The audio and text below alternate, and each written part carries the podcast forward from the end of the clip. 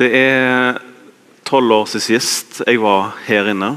Ja, jeg har jo vært og talt på EFTO, da, men på et sånt formiddagsmøte så er det tolv år siden. og Da var jeg russ. Og da, da var livet litt annerledes enn nå. Det var jo, Jeg husker vi var russ her, og så sov vi her. For det var liksom eh, Vi var en gjeng, da. Og så det var noen som ikke klarte å sove her inne, for det var så mye bråk, så de la seg i en henger som hadde lekt for å få all bagasje.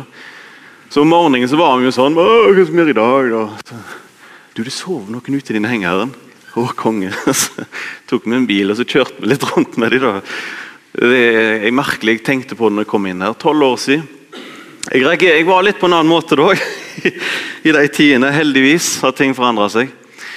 Eh, kjempespennende å være her, og gratulerer forresten til dåpsfamilien. Jeg eh, hadde dåp for et par uker sjøl, så jeg er litt inne i den stemninga fortsatt. Eh, jeg har, eh, jeg har sjøl to døtre og bor i, på Sandve, så det er rett borti hogget, føler jeg. Ellers så har jeg den gleden av å jobbe i NLM Ung som leder. og da, da får jeg jo være med Siren og Marit av og til å høre masse spennende fra arbeidet her. Jeg syns det er et spennende arbeid dere driver. Det må jeg bare si. Og jeg gleder meg alltid hver gang jeg skal snakke med Siren og Marita hvordan ting står til her borte. Så nå får jeg endelig vare på et formiddagsmøte, og jeg, jeg setter pris på invitasjonen. Jeg har lyst til å bare be litt før jeg eh, begynner videre. Jesus, du så den eh, videoen som jeg så nå. Du så det at uh, det vi har sett, det handler om at vi har et oppdrag, vi som kristne. Det har jeg lyst til å prøve å si noe om Jesus. Du ser alle de bibelordene som jeg har funnet. Jeg ber om at når de bibelordene blir lagt fram, så må det skje en brann i våre hjerter som får oss i bevegelse, som får oss i den retningen du vil ha oss. Takk for det temaet som de har valgt her i høst, om ferdelagte gjerninger. Jeg ber om at de virkelig må gå opp i deres hjerter hvor viktig det er å vandre i dine fotspor og vandre til din vilje. Velsign denne dagen her og det ordet som blir delt nå, Herre. Amen. Jeg vet at det er veldig viktig å minne oss på at uh, dette livet her er ikke alt. I Bibelen står det i alle fall mye om det. At uh, ha blikket festa der oppe. Se opp mot himmelen, se opp mot uh, det evige. Og Jeg tror vi må bli minnet på deg av den enkle grunn at dette livet her er synlig, og det neste livet er usynlig. Vi har så lett for å tenke på her og nå og vår hverdag. Og Denne talen kommer til å handle om det kallet som vi har fått, det oppdraget som vi har fått i forhold til evigheten. Et målretta liv. Kan få neste bilde. Skal lese en tekst fra 2. Timoteus 2, 3-6. Derfor må, du, må også du lide ondt som en god Jesu Kristi stridsmann. Ingen som fører krig, blander seg inn i de oppgavene som hører dette livet til, slik at han alltid kan gjøre hærføreren til laks. Og noen driver idrett, får han ikke seierskransen uten at han deltar etter reglene. Den bonden som gjør seg flid i arbeidet, skal være den første til å få del i fruktene. Her fikk vi tre forbilder i kristenlivet. Tre forbilder som Gud vil at vi skal se nøye på og legge merke til. Og legge merke til de egenskapene som hører med de tre ulike der. Jeg har lyst til å begynne med soldaten. Av alle de så er det soldaten jeg kjenner meg mest igjen med. Jeg har hatt mye idrett. Jeg har vokst opp på en eh, bondegård. eller Bestefaren min han hadde sauer og litt sånt. så jeg men soldaten kjenner jeg mest igjen i. Det har nok litt med at jeg har vært i førstegangstjenesten. Og jeg, vært, jeg er med i Heimevernet og har vært med i hvert år på innrullering der. da. Så Og i militæret Vi kan ta neste bilde. I militæret så lærte jeg noe når jeg begynte der. At det, det er noe som heter stående ordre. Og det henger på en sånn plakat ute i gangen eller i trappeoppgangen der vi var i førstegangstjenesten. Stående ordre, eller SO, og der sto det på en måte dagseddel hva vi skulle gjøre for noe. Og Det var det første vi sjekket om morgenen. Hva var det vi skulle i dag? Og når det kom ny dagseddel opp, så grua vi oss alltid. For vi tenkte skal vi ut og gjøre noe sånn tull, springe langt tre mil og sånt. Det grua vi oss til. Så vi var spente på den stående ordren. Og Du som en kristen har òg en stående ordre ifra Herren. Jesus er ikke likegyldig hva vi bruker den beste tida vår på. Jeg har tatt, som allerede nevnt, det som ble nevnt i dåpen òg. Så har jeg tatt misjonsbefalinga og den første setningen der. Gå derfor ut og gjør alle folkeslag til disipler.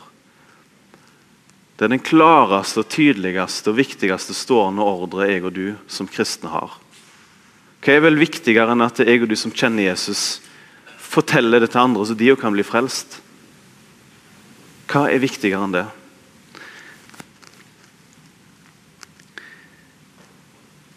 Og så tenker jeg at det lykkes vi med dette målet her. Ikke det om vi klarer i, i forhold til antallet, for det er Men jeg tenker mest på er det det som er det viktigste for oss. Jeg var en gang i, når vi skulle ha dåp, så, så, måtte vi leie et lo lokale. Så jeg gikk inn i en annen menighet i Stavanger. Og Mens jeg sto der og venta på å få nøkkel til bygget, for vi skulle låne der, så så så jeg litt på plakatene som hang der inne. Og så så jeg hva det menigheten var opptatt av. Årshjulet fant jeg. Og så så jeg på årshjulet at det var bare sosiale arrangement. Det var masse kvelder om, om eh, klima, og det var en del kulturinnslag. Og så tenkte jeg liksom, hvor hen er den offensive? Hvor er den der eh, del evangeliet? Det var absolutt ingenting om det der. Og så tenker jeg Har vi bomma litt, da? Hvis vi har glemt det der? Jeg var bare der i forbifarten, så jeg tok ikke noe debatt med, med de om dette her.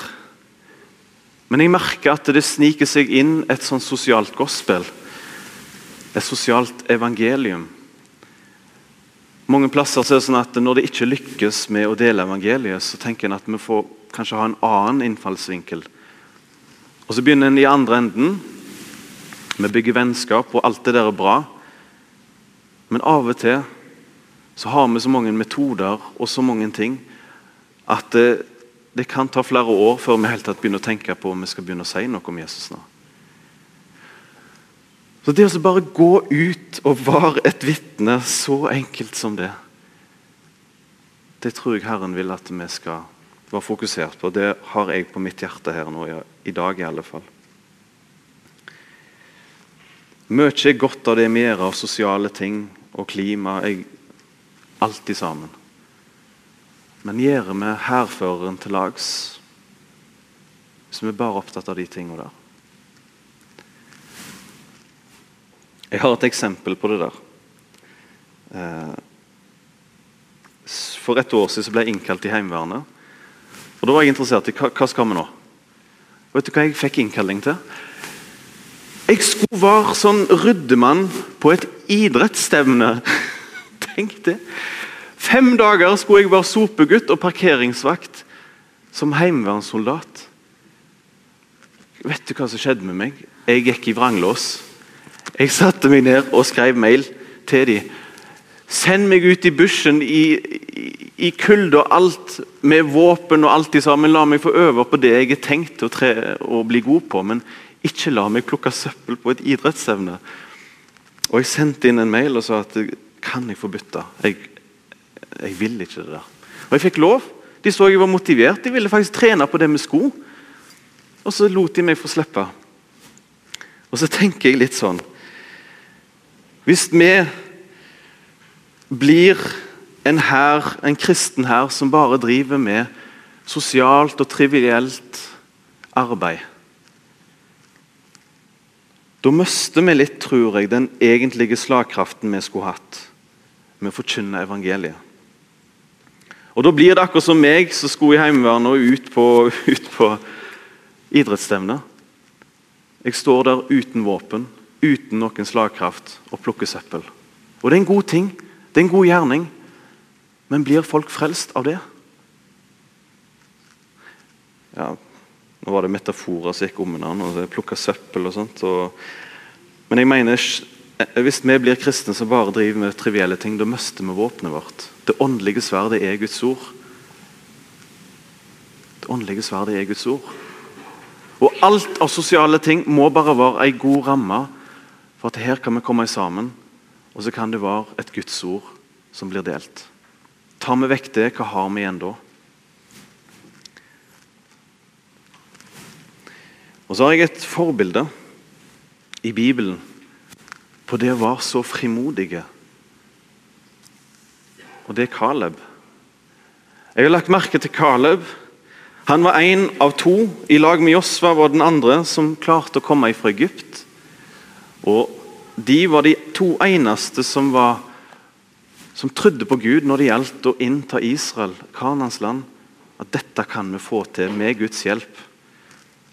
Mens de andre de klagde og hadde ikke tro på at vi kunne innta Israels land. Og Nå hadde Josva og Caleb de hadde vandra gjennom ørkenen i over 40 år. Og De to var de eneste som fikk lov å komme inn i det lovede land. Og så er det fascinerende. Josva ble ny leder etter Moses. Og Kaleb er en krigsleder, en høvding. Og så sier han For de ser utover landområdene som de skal innta. Så sier Kaleb dette her. Og nå Dette står i Josvas bok 14, vers 10. Og se nå har Herren holdt meg i live i alle disse 45 årene, slik han sa. Helt fra, Is, helt fra Herren talte dette ord til Moses da Israel vandret i ørkenen. Nå er jeg her på denne dag, 85 år gammel. Ennå i dag er jeg like sterk som på den dagen Moses sendte meg ut. Som, den, som styrken min var den gangen, slik er styrken min til strid nå både til å gå ut og til å komme inn. Derfor skal du nå gi meg dette fjellet som Herren talte om på den dagen. For på den dagen hørte du at anakittene bor der, og at byene var store og befestede. Det kan hende at Herren vil være med meg, og at jeg kan være i stand til å drive dem ut, som Herren har sagt. Og Josva velsignet ham, og så. Så tenker jeg for en frimodighet. For et mot. Caleb er 85 år gammel. Er det noen som er 85 år gammel her? Det kommer, skal du si? Eller? Forhåpentligvis så blir vi alle minst 85. Men fantastisk at det er en som har den der frimodigheten. At her har vi et fjell, det vanskeligste området i hele Israel, med noen kjemper på noen befesta byer. Og så sier en 85 år gammel mann jeg har enda mer å gi. Det der vil jeg innta. Det vil jeg erobre for Israel. Så tenker jeg den har med den spiriten. Har vi den samme ånda der? Eller blir det til at vi gjemmer oss bak mange andre tiltak og våger ikke helt å være slagkraftige med åndens sverd og være et frimodig vitne? Ser vi hvor store andre mennesker er, hvor stor motstand vi får, og så stopper vi opp? Eller har vi tro på Gud og tro på Guds ord og er som Caleb? Menneskelige svakheter, menneskelige utfordringer. Hva betyr nå det? Jeg har Gud, jeg har Åndens sverd. Jeg har løftene med meg. For Jeg tror nemlig det at vi, har, vi holder på med så mange sosiale tiltak og trivielle ting. Og de er gode i seg sjøl. Hvis vi glemmer å bare dele evangeliet være et hverdagsvitne.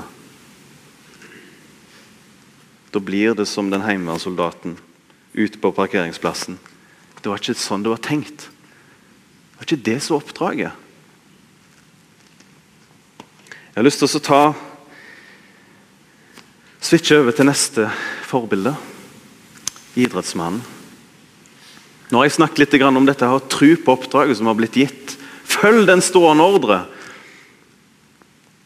Følg den stående ordre. Bruk åndens sverd. Og Nå skal vi snakke om deg. og meg at jeg og du må følge reglene i dette spillet, eller i den åndelige verden. For det er òg løsningen til at jeg og du har slagkraft. Hvis idrettsmannen er ute av form, hva kan han klare? Jeg har lyst til å lese det Paulus sier om det løpet. For En idrettsmann det handler om altså at du må løpe sånn at du ikke blir diskvalifisert. En idrettsmann som blir tatt i dop, han mister all ære og mister all seier og ødelegger karrieren på samme dag. Og En kristen som gjemmer på sin synd, og ikke følger det som Bibelen har sagt i forhold til synd, så vil du oppleve det samme på dommens dag. Og Derfor så må vi ta til oss Paulus sine ord om dette løpet her. For Paulus bruker det som en metafor, denne veien vi vandrer her. Et løp. Og Så sier Paulus noen ord om det i 1. Korinterbrev 9, 25-27.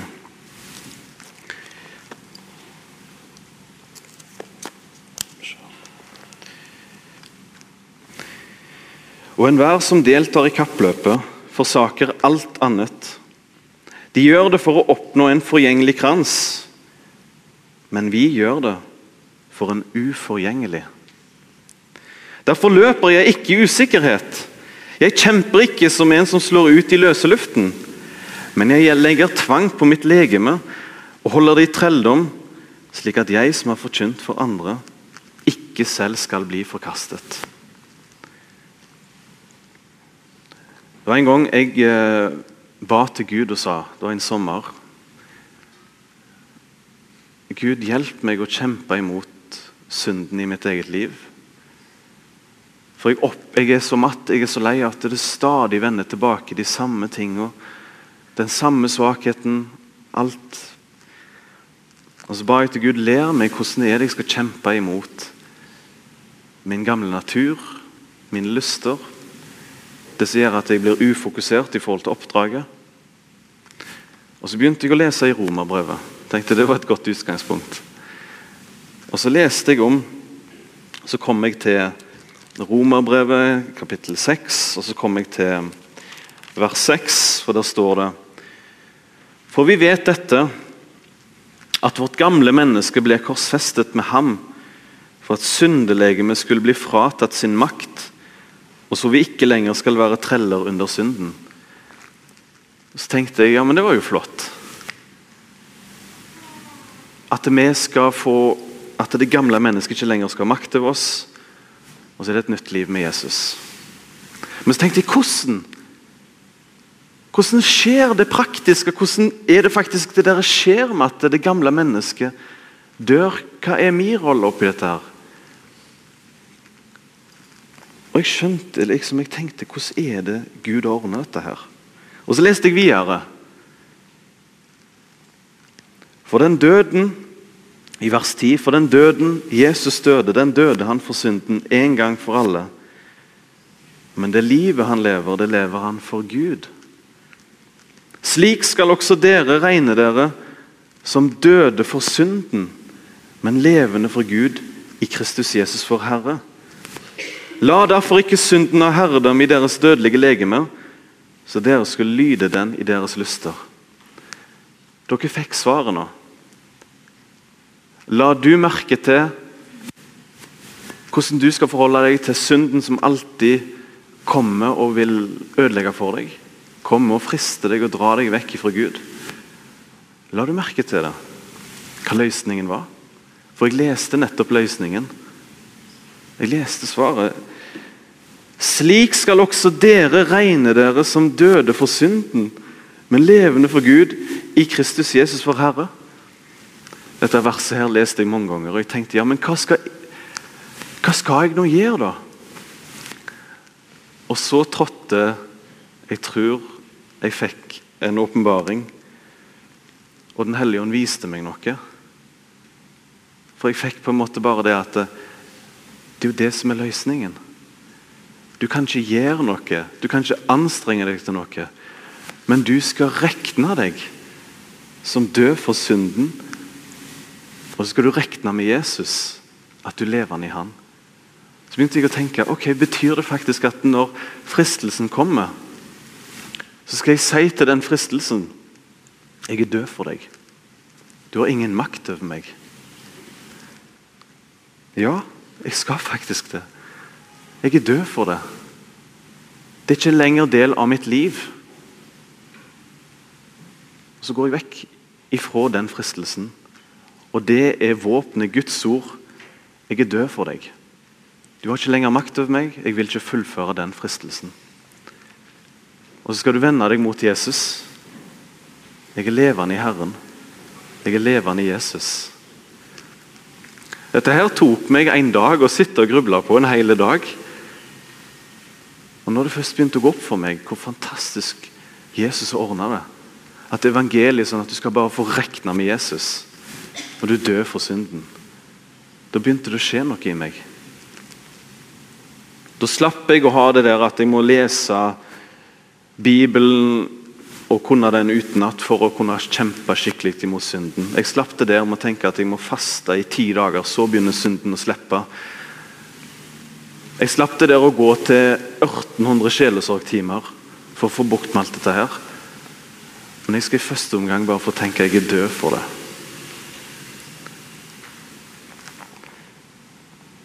Det er akkurat disse versene her vi har 1800 møter på. For vårt menneske skjønner det ikke. Det er ikke logisk for oss, men det er sannheten. Når du som en idrettsmann om at måte metafor, Når du som en kristen tenker som en idrettsmann, at du lar ikke Du inntar ikke doping, du inntar ikke synden. Du holder deg vekk ifra den. Du skal ikke ha noe med den å gjøre. Nå regner jeg som levende for Herren. Da kan du løpe og springe det løpet. Med fokuset retta, med blikket retta på Jesus. Og målet klart for deg, oppdraget ditt. Jeg har lyst til å si noen ord om det neste, om bonden.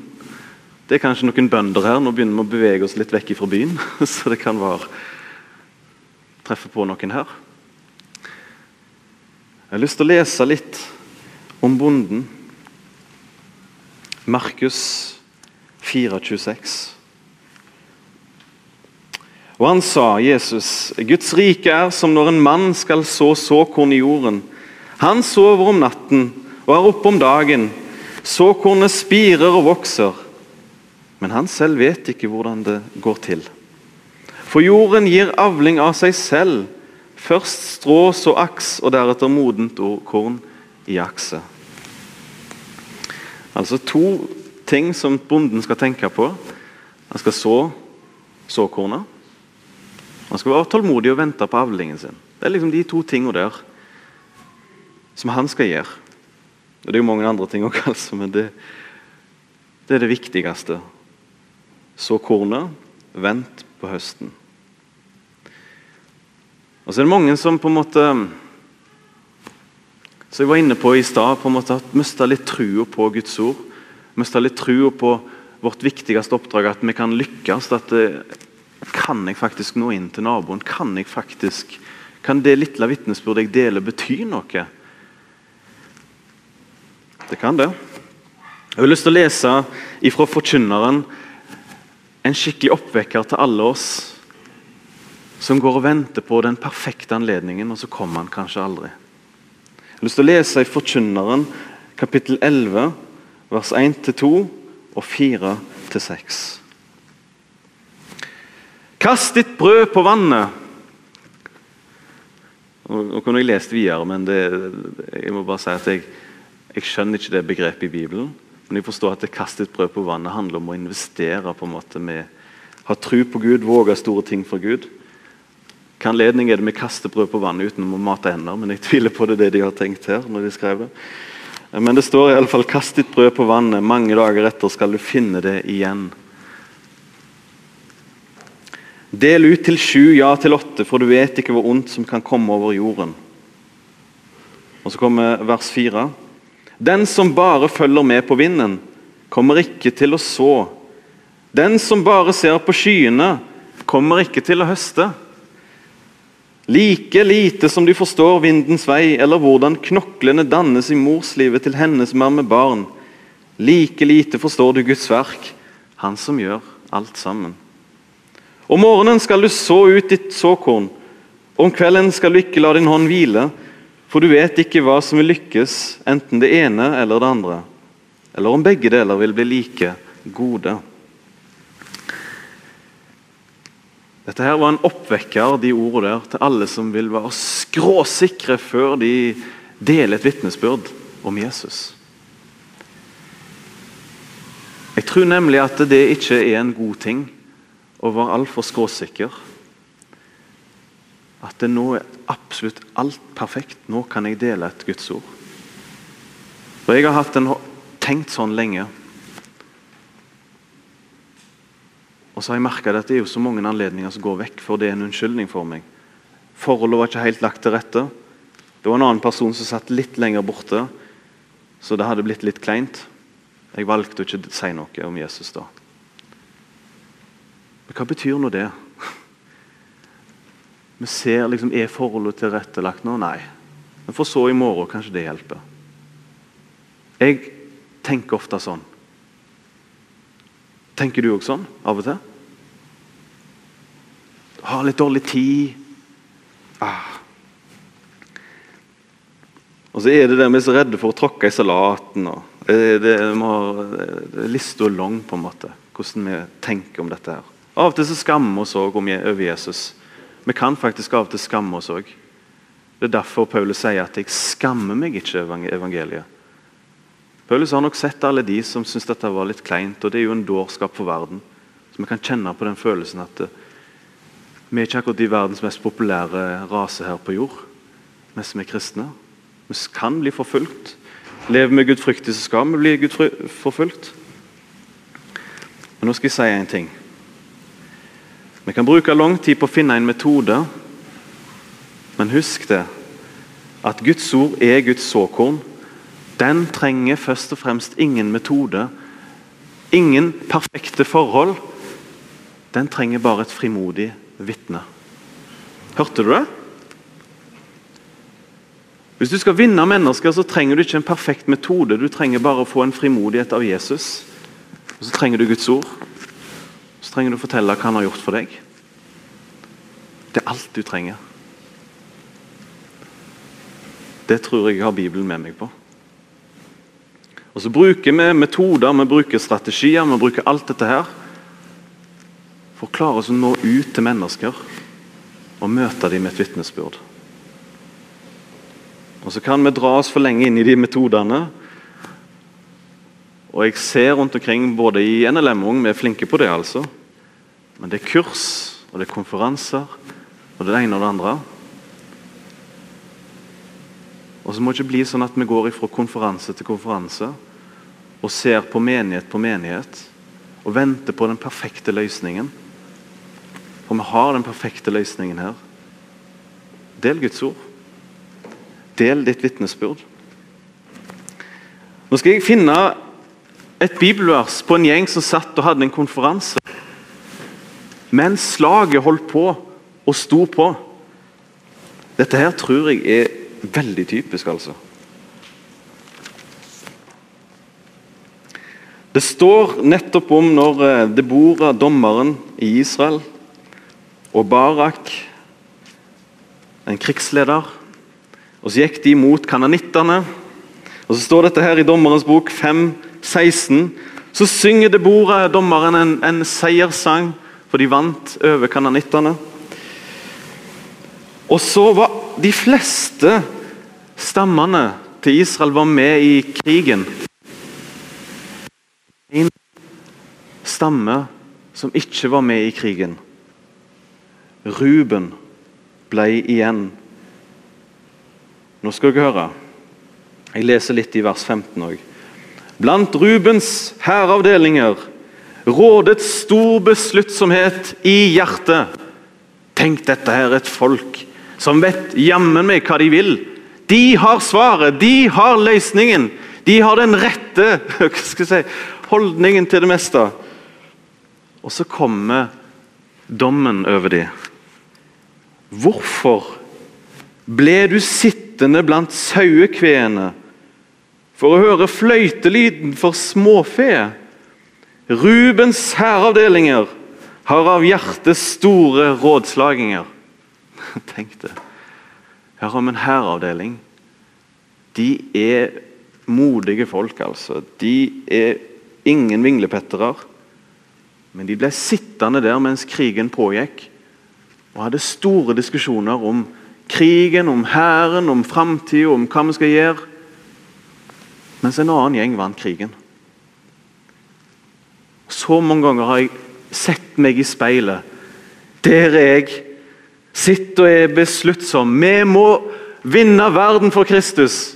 Og så bare diskuterer jeg på en måte med meg sjøl og med lederne hvordan vi skal gjøre dette. her. Så glemmer jeg når jeg kommer hjem og treffer på naboen at eh, hadde jeg et eller annet å si til hun nå? Det nytter ikke å være sterk i hjertet hvis du ikke på en måte går den mila med de neste og deler.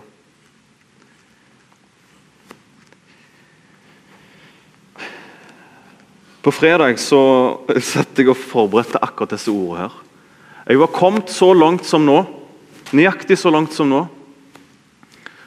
Og Jeg satt oppe på loftet mitt og forberedte meg fredagskveld. Og Kona hadde besøk av naboen min, naboen vår. Hun var ca. 25 år, muslimsk bakgrunn fra Irak, tidligere flyktning. Så satt hun der nede. Satt jeg og tenkte hva er det jeg holder på med? Sitter her og er veldig besluttsom i hjertet. Her skal vi tale, her skal vi forberede oss. tenkte jeg. Er jeg helt ko-ko? Her sitter en mulighet to meter under beina mine. Og jeg sitter her oppe og er Ja da. Så tenkte jeg, så gikk jeg bare rett ned. Så tok jeg med meg en bibel som jeg hadde liggende til overs. Så gikk jeg ned til henne og sa jeg at du eh, har jo snakket bitte litt om tru og sånne ting, men nå vil jeg gjerne at du skal lære mer om kristendommen hva vi tror på. For meg og kona vi bygger livet vårt på dette. her. Har du lyst til å lese, har du lyst på den her, skal du få den. Men da må du lese den òg. Ja, jo, hun vil gjøre det. Hun var interessert. Og så jeg, ga jeg henne litt tips. Den boka kan du begynne med, den boka skal begynne med. Den tok hun med seg, den skulle hun lese i. Så jeg vet Neste gang jeg treffer henne, nå, skal jeg spørre hva har du lest. Hva leste du? Hva, hva forsto du? Hva tenkte du når du leste akkurat det? Så har vi en samtale. Så tenker jeg, Det kan ta ett år, det kan ta to år. Men nå har vi begynt, og så lite grann. Og I går så tenkte jeg yes, dette her, det trigga meg, det som jeg har delt med noen nå. Det, det, begynte å trigge meg, så det skjedde noe med meg. Så jeg, I går så skulle jeg ut med dattera og bare lufte henne litt. Så kom jeg og kona på at eh, vi har jo en nabo som har, har ei datter på samme alder. Og sendte meg en melding til naboen. du har dere lyst til å bli med ut. Så, for nå skal jeg ut med, med, en unge, så kan en av de jo komme ut. Så kom onkelen hennes, ei, ei unge på to år, så kom onkelen, som er litt yngre enn meg. Så sto vi ute i en time og snakket om tru. Fortalte om Jesus til han. Så tenker jeg, tenker jeg at jeg har vært på altfor mange konferanser og kurs. Jeg har delt vitnesbyrdet altfor få ganger. Jeg forstår ikke hva som er galt med meg. Hvorfor kan jeg ikke bare gjøre det oppdraget er? Hvorfor kan jeg ikke bare fortsette å bare leve i dette her? Og ikke glemme det i morgen? Jeg vet det at Når vi analyserer sånne situasjoner i hytt og pinevær, så hender det at vi tenker er det frekt, er det sånn, er det sånn? Men nå er brødet kasta ut til et par stykker i løpet av helga. Og så skal jeg be til Gud jeg, når jeg legger meg, for Gud skal jobbe da. Mens han sover. Mens jeg sover, for Gud sover jo aldri. Og så vil Jeg bare si til alle som kjenner Jeg har kjent på dårlig samvittighet mye på dette. her, så vil jeg bare si at Nåden er ny hver morgen. Det du ikke fikk gjort i går, så er det ny nåde. Så er det glemt av Gud. Og Så skal du få lov å tenke at med ny nåde så følger det jo på en måte Hva er det ferdiglagte gjerninger er for noe? Det er jo nåde. Og så står det at nåden er ny hver morgen. Det står ikke at nåden er ny hver uke. Så det betyr at du har Du må da ha minst én ferdiglagt gjerning til dagen liggende for deg. Hvis det hadde stått at nåden er ny hver uke, så tror jeg kanskje du hadde bare hatt én ferdiglagt gjerning. Men kvoten er bygd sånn at hver dag har du en mulighet. Hver dag har du en mulighet til at Gud kan få lede deg og bruke deg til et eller annet. For Hvis nåden er ny hver dag, og ferdiglagte gjerning er en del av det nye livet, da må vel en ferdiglagt gjerning være medregna den dagen nåden var ny for deg. Var dette helt på jordet?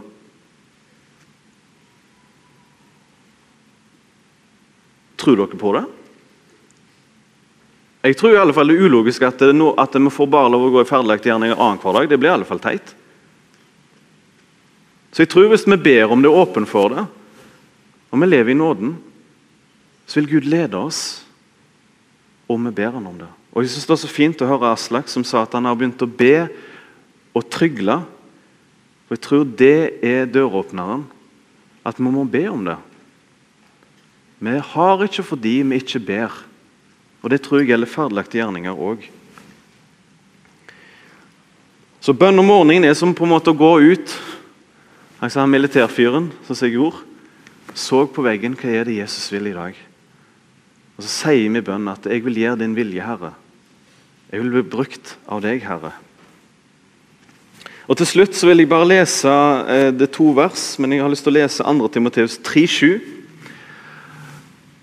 Og De tingene jeg har snakket om nå, med soldaten, og idrettsmannen og bonden, jeg har fremheva deres egenskaper og vist de ut ifra Guds ord. Og Så sier Paulus, inspirert av Herren sjøl, tenk over det jeg sier, for Herren skal gi deg innsikt i alt. Soldaten gjør hærførerens vilje. Idrettsmannen må passe på å ikke bli diskvalifisert. Og bonden skal arbeide med iver. Og så syns jeg det er veldig flott å se at det mellom formaningene så trer hele tida evangeliet fram. For bare se neste vers etter det. Det kommer ikke opp på storskjerm. Men så står det i neste vers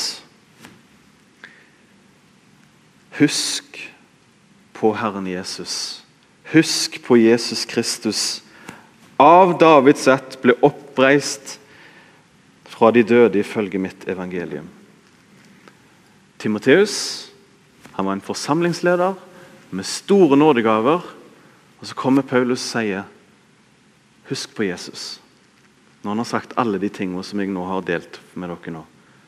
Husk på Jesus. Det er fordi at jeg og du skal gå i lag med Jesus, inn i lønnkammer, inn i bønneliv og snakke med han om disse tingene her. Og legge fram vår svakhet for han og si at jeg er avhengig av deg. Jeg trenger deg. Jeg ønsker å ære deg, jeg ønsker å følge deg i mitt liv. Husk på Jesus. Alt han har gjort for deg, og alt han er for deg i dag. Jeg kunne sagt mer om det, men jeg stopper der. Så jeg har lyst til å be ei bønn om det vi har sagt nå. Jesus, når det står i ditt ord at vi skal tenke på noe, når vi skal grunne på noe, sånn som ble nettopp vist her, da tror jeg det er en mening med det. Jeg tror det er noe viktig du vil si oss.